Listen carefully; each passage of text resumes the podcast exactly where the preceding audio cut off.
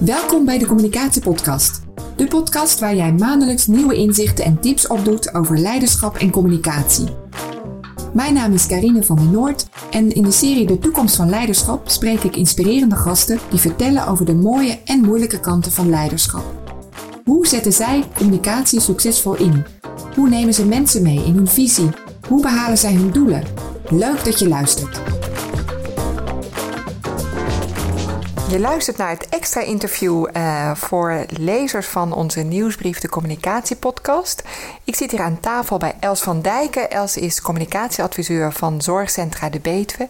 Els, zojuist hebben we met uh, uh, de bestuurder van jullie organisatie, met Rut, gesproken over een hele organisatieverandering die jullie met elkaar hebben doorgemaakt.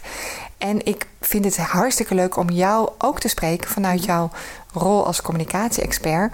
En ik ben heel benieuwd uh, ja, uh, wat jouw ervaringen zijn. Ook misschien wel welke strategieën jullie hebben toegepast om mensen daarin mee te nemen. Want dat is meteen eigenlijk de eerste vraag.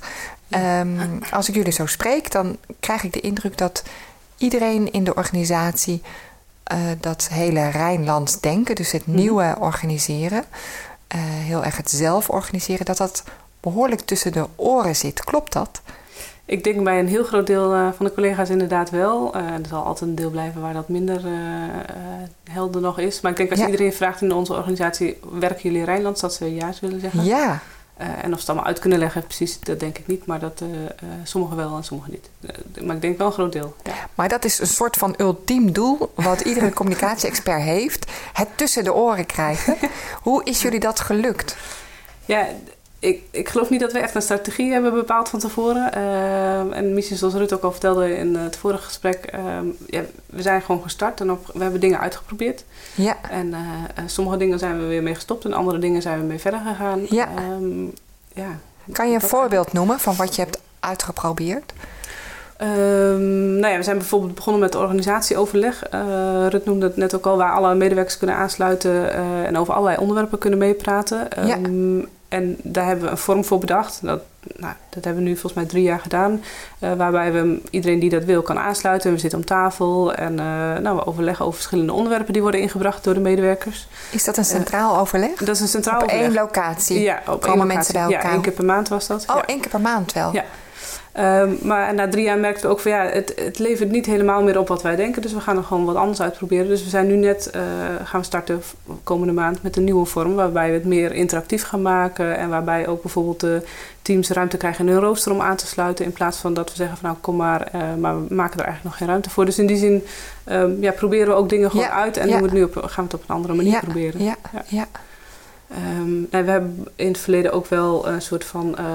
Uh, ja, ik weet niet meer hoe we ze noemden, maar markten georganiseerd. Waarbij de teams die met dingen bezig waren uh, konden presteren van we zijn hiermee bezig en anderen kunnen daarvan leren.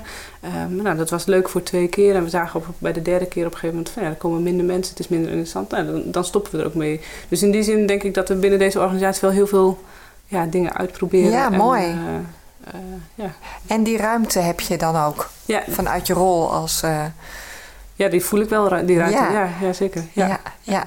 En uh, is dat ook anders dan uh, voor de organisatieverandering? Want ja, we hadden net een kort voorgesprekje en toen zei je... er zijn echt twee periodes voordat we de omslag maakten en daarna. Wat is precies het verschil? Ja, ik denk als het gaat om, om de communicatieafdeling en de communicatievraagstukken die er liggen. Voorheen werden die heel veel gefilterd door de managers. Uh, er kwamen vragen vanuit teams, die legden ze neer bij hun manager. Die filterden dat, die bundelden dat, die maakten er... Uh, sommige vragen vonden ze belangrijker dan andere vragen. Um, en dat kwam dan op een gegeven moment ja. door bij onze afdeling. Vaak of via meteen, of te laat. Uh, ja. ja. of de vraag was eigenlijk al niet meer relevant. Nee. En op dit moment is het zo dat ja, de teams kunnen ons gewoon rechtstreeks benaderen en doen dat ook steeds meer. Um, en met name de teams die naar buiten toe gaan, zoals de thuiszorg en de behandelaren, de teams die op de locaties met de activiteiten bezig zijn, die benaderen ons gewoon rechtstreeks van we hebben een communicatievraagstuk, wil je ons helpen?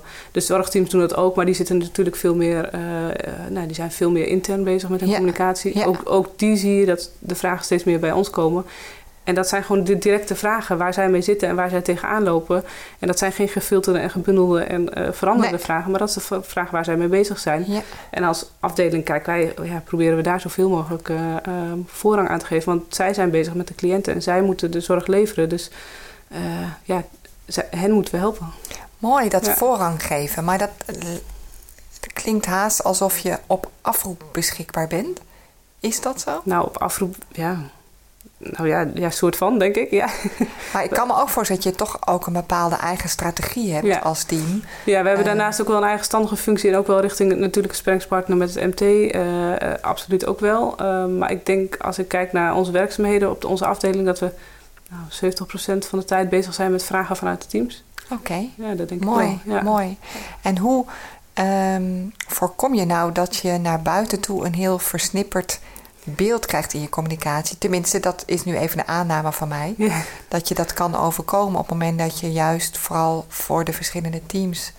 Nou ja, wat ik zeg, we hebben Partner. natuurlijk die eigenstandige functie wel. En, en, en die rol daarin is echt ook wel het bundelen en het, eh, of ja, hoe zeg je dat? Ehm, het, eh, ja, het vormen van. eh, eh, eh, mm, ja, hoe zeg je dat? Het uitstippelen van een route. Nou ja, dat nog niet eens, maar het, imago eh onderbouw, ja, bouwen aan imago Ja. en, en daarmee bezig zijn, dat is wel iets wat we ook als afdeling echt wel in alle vraagstukken meenemen Ja. van- vanuit het teams. Dus ook wel een soort van coördineren misschien. Ja. Ehm, en daarnaast, ehm, die, die Rut benoemde net, de eerste zijn vijf teams destijds begonnen met het Ja. Rijnlands werken. En die vijf teams die vroegen ook heel duidelijk om kaders. Nou was dat ingewikkeld, want eigenlijk wilden we geen kaders. Nee. En eigenlijk willen we dat nog steeds niet. Maar er, nou ja, er was toch behoefte aan op sommige plekken. Er zijn toen een aantal afspraken gemaakt. eh, en een van de afspraken is wel dat rondom communicatie en PR... dat wij daar wel als afdeling eh, eigenlijk altijd in meegenomen moeten worden. Ja, ja. Dus het is niet zo dat wij het altijd uitvoeren... maar wel dat we daarin betrokken worden en Ja. kunnen meedenken... en met name kunnen adviseren natuurlijk ook. Ja, ja, En als je bijvoorbeeld heel simpel kijkt naar onze social media... eh, dan hebben we bijvoorbeeld Facebook... alle locaties hebben een Facebookpagina... En, eh, Alle locaties alle apart? locaties hebben dat apart. Ehm, maar wij kunnen wel overal, zijn wij wel beheerder van. Eh, maar er zit iemand op de locatie die dat in principe uitvoert. En op het moment, wij kunnen meekijken. En op het moment dat wij denken, ja, dat gaat echt niet goed, dan kunnen we daar wat mee. Maar ik moet zeggen, in die vijf jaar dat, dat dit nu zo werkt. Nou, misschien hebben we één keer moeten zeggen, goh, dat is niet zo'n handige niet zo post. handig. Had je beter anders kunnen doen, maar er vloeit echt geen bloed uit. Nee. Dat is wel gaaf, Ja. hè? Want ik, ik weet ook van andere organisaties dat je soms... eh, of je moet heel erg trekken aan locaties eh, eh, of, of afdelingen... dat ze er gewoon niet aan toekomen. Of dat die social media... dat de afspraak er wel is dat mensen die social media beheren... maar dat het niet gebeurt. Of... ehm, of, of het loopt helemaal eh, de spuigaten uit Ja. en eh, je hebt... eh, Ja, maar je ziet ook wel echt enorme verschillen tussen de social media pagina's van de locaties. En dat is Ja. echt een voorbeeld. Maar er zijn een aantal locaties heel actief mee. Maar we hebben ook niet gevraagd van wie wil die pagina beheren. Maar eigenlijk is het heel organisch gegaan. Er zijn mensen die zeiden van ja, ik wil graag iets met Facebook. Nou, prima. Ehm, dus die zijn beheerder geworden. Dus we hebben, dan het zijn komt het ook allemaal mensen... bij jullie vanzelf, lijkt wel. Ja, het klinkt als een Hosanna-plaatje. Dus dat gaan ook echt wel dingen mis. Maar, ehm, maar die, de, ehm, ja, die mensen die er dus mee bezig zijn, die, die willen er ook, die, die hebben intrinsiek de behoefte om daarmee bezig te zijn. En dus die plaatsen leuke Ja, dingen. dat en die gebeurt zijn, Ja, gewoon. dat gebeurt gewoon. En er zijn ook locaties waar dus bijna niks op de pagina's gebeurt. Omdat daar niemand is opgestaan die zegt, ja, ik wil er wat mee doen. En dat is ook prima. Ja, Ja. Dat, dat is dan ook wat het is. Ja.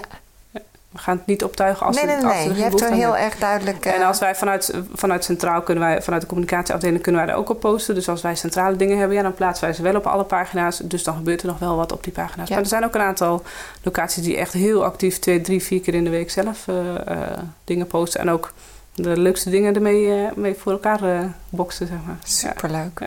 Als we het hebben over externe communicatie, hoe, eh, hoe staat eh, Zorgcentra de Betuwe bekend hier? Kan je daar iets over zeggen? Ehm, ja, dat vind ik lastig nou, om echt te benoemen. Eh, ik denk in die zin, het is een, de Betuwe, eh, het is een vrij behouden regio. Ja. Ehm, dus hoe wij bekend staan, ik, heb, ik kan er niet helemaal de vinger op leggen, maar ik denk dat wij wel bekend zijn als een beetje, nou, wat we zelf ook wel eens noemen, een beetje een eigenwijze organisatie, die wat Ja. anders is dan andere organisaties. Dat is inmiddels wel doorgedrongen. Dat denk ik wel. Als het gaat om, om in ieder geval rondom de arbeidsmarkt wel. Ik denk als je voor cliënten kijkt, dat wij er niet heel anders op staan dan de concurrenten hier in Nee, de regio. Want de mensen hier, in- de cliënten die willen eh, wonen op de locaties Ja. in hun dorp, in hun omgeving. Ja. Ehm, en dan hebben ze vast wel een beeld van onze organisatie, maar ehm, is dat minder van belang, want Ja. ze willen gewoon graag in hun dorp blijven Ja. wonen. Dus als het gaat om externe communicatie, maakt echt wel uit welke doelgroep je het over hebt. Op de arbeidsmarkt denk ik dat wij ja, misschien wel iets anders bekend zijn dan, dan de andere Is dat collega's. positief? Dat Want er zijn enorme tekorten natuurlijk in de zorg. Eh, ja, maar het is niet zo dat wij nu heel veel meer mensen binnenkrijgen dan Nee. andere organisaties. Ehm, Nee. Maar ik denk wel dat mensen bewuster kiezen om hier te gaan werken dan ergens Ja. anders. Dat Ja. denk ik wel. Ja, mooi.